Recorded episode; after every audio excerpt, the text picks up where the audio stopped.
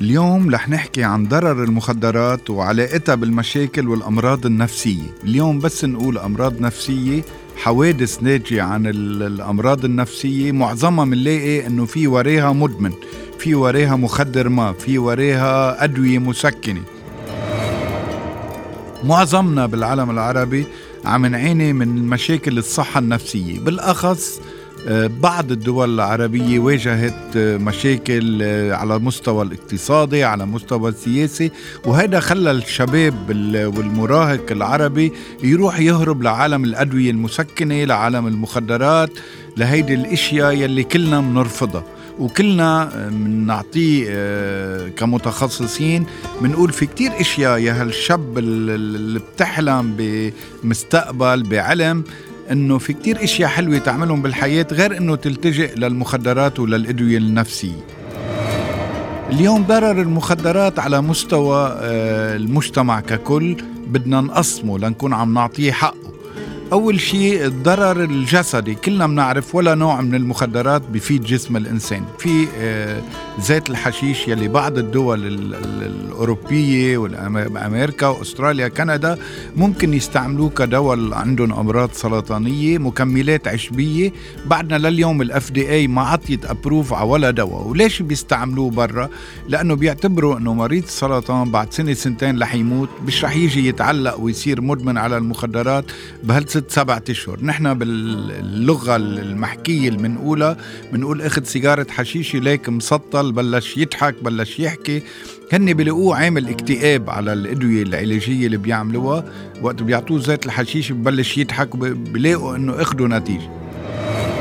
أنا آه، ضد هيدي الأدوية. في كتير إشياء نعملهم من الشتلة بكرة رح نحكي بحلقة تانية على القانون يلي طلع بلبنان وبعض الدول يلي شرعت السبدة يلي هي كنابيديول للصناعة للاستفادة من هيدي الشتلة بعيدا عن شتلة المخدرات يلي هي ال THC اللي بيستعملوها المدمنين للتعاطي فإذا ضرر المخدرات متفقين كلنا إنه في ضرر جسدي مش طبيعي على كل وظائف الجسم من الرية للدماغ للشرايين للكبد للأمراض اللي ممكن اللي بيتعاطى بالإبرة يلقط مرض السيدا. الأنواع اللي عم بحطوها مع المخدرات مثل إزاز المطحون مثل الكلس مثل الطبشور عم تعمل هيباتيت مثل الصفيرة الأمراض الناتجة عن تعاطي المخدرات هي كمان مشكلة تانية غير ضرر المخدرات. بدي اضيف آه، شيء ثالث كمان ضرر المواد المخلوطة مع المخدرات كيميائيا.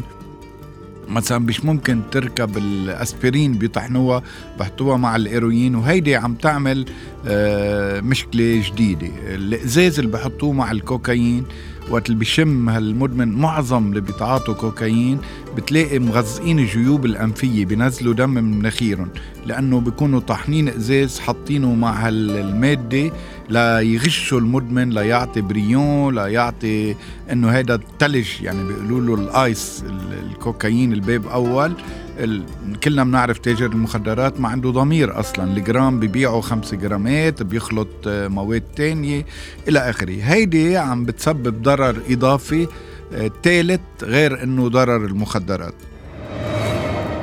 الشق النفسي يلي هو المشكلة الكبيرة اللي منا عم نعرف نتصرف فيها كمجتمعات مش بس مجتمعات شرقية وعربية هو منا عم نلاقي متخصصين آه، بالصحة النفسية آه، خاص للإدمان. يعني وقت نجي نقول حدا بسيكياتر بسيكولوج ما بعرف حيلا طبيب نفسي متخصص للمدمنين اللي بيشربوا كحول ما عنا مثلا. مدمن بده يتعالج على الأدوية المسكنة يروح عند معالج نفسي متخصص بس للأدوية المسكنة. عندنا معالج نفسي بعالج كل شيء واليوم الصحة العائلية لازم يكون في أهل المدمن وحدهم بدهم حدا متمرس متخصص بهذا الموضوع.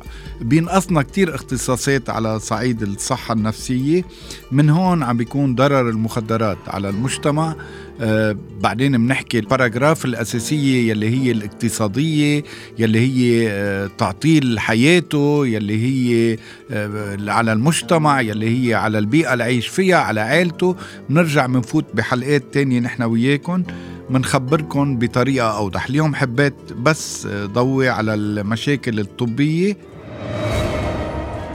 الحلقة الجاية إذا الله راد تكونوا معنا لنسمعها لنحكي شوي عن الأسباب اللي بتودي لتعاطي المخدرات. كتير مهم نعرف الأسباب من أول الطريق وننتبه وما نوصل لسبب من هالأسباب لتعاطي المخدرات.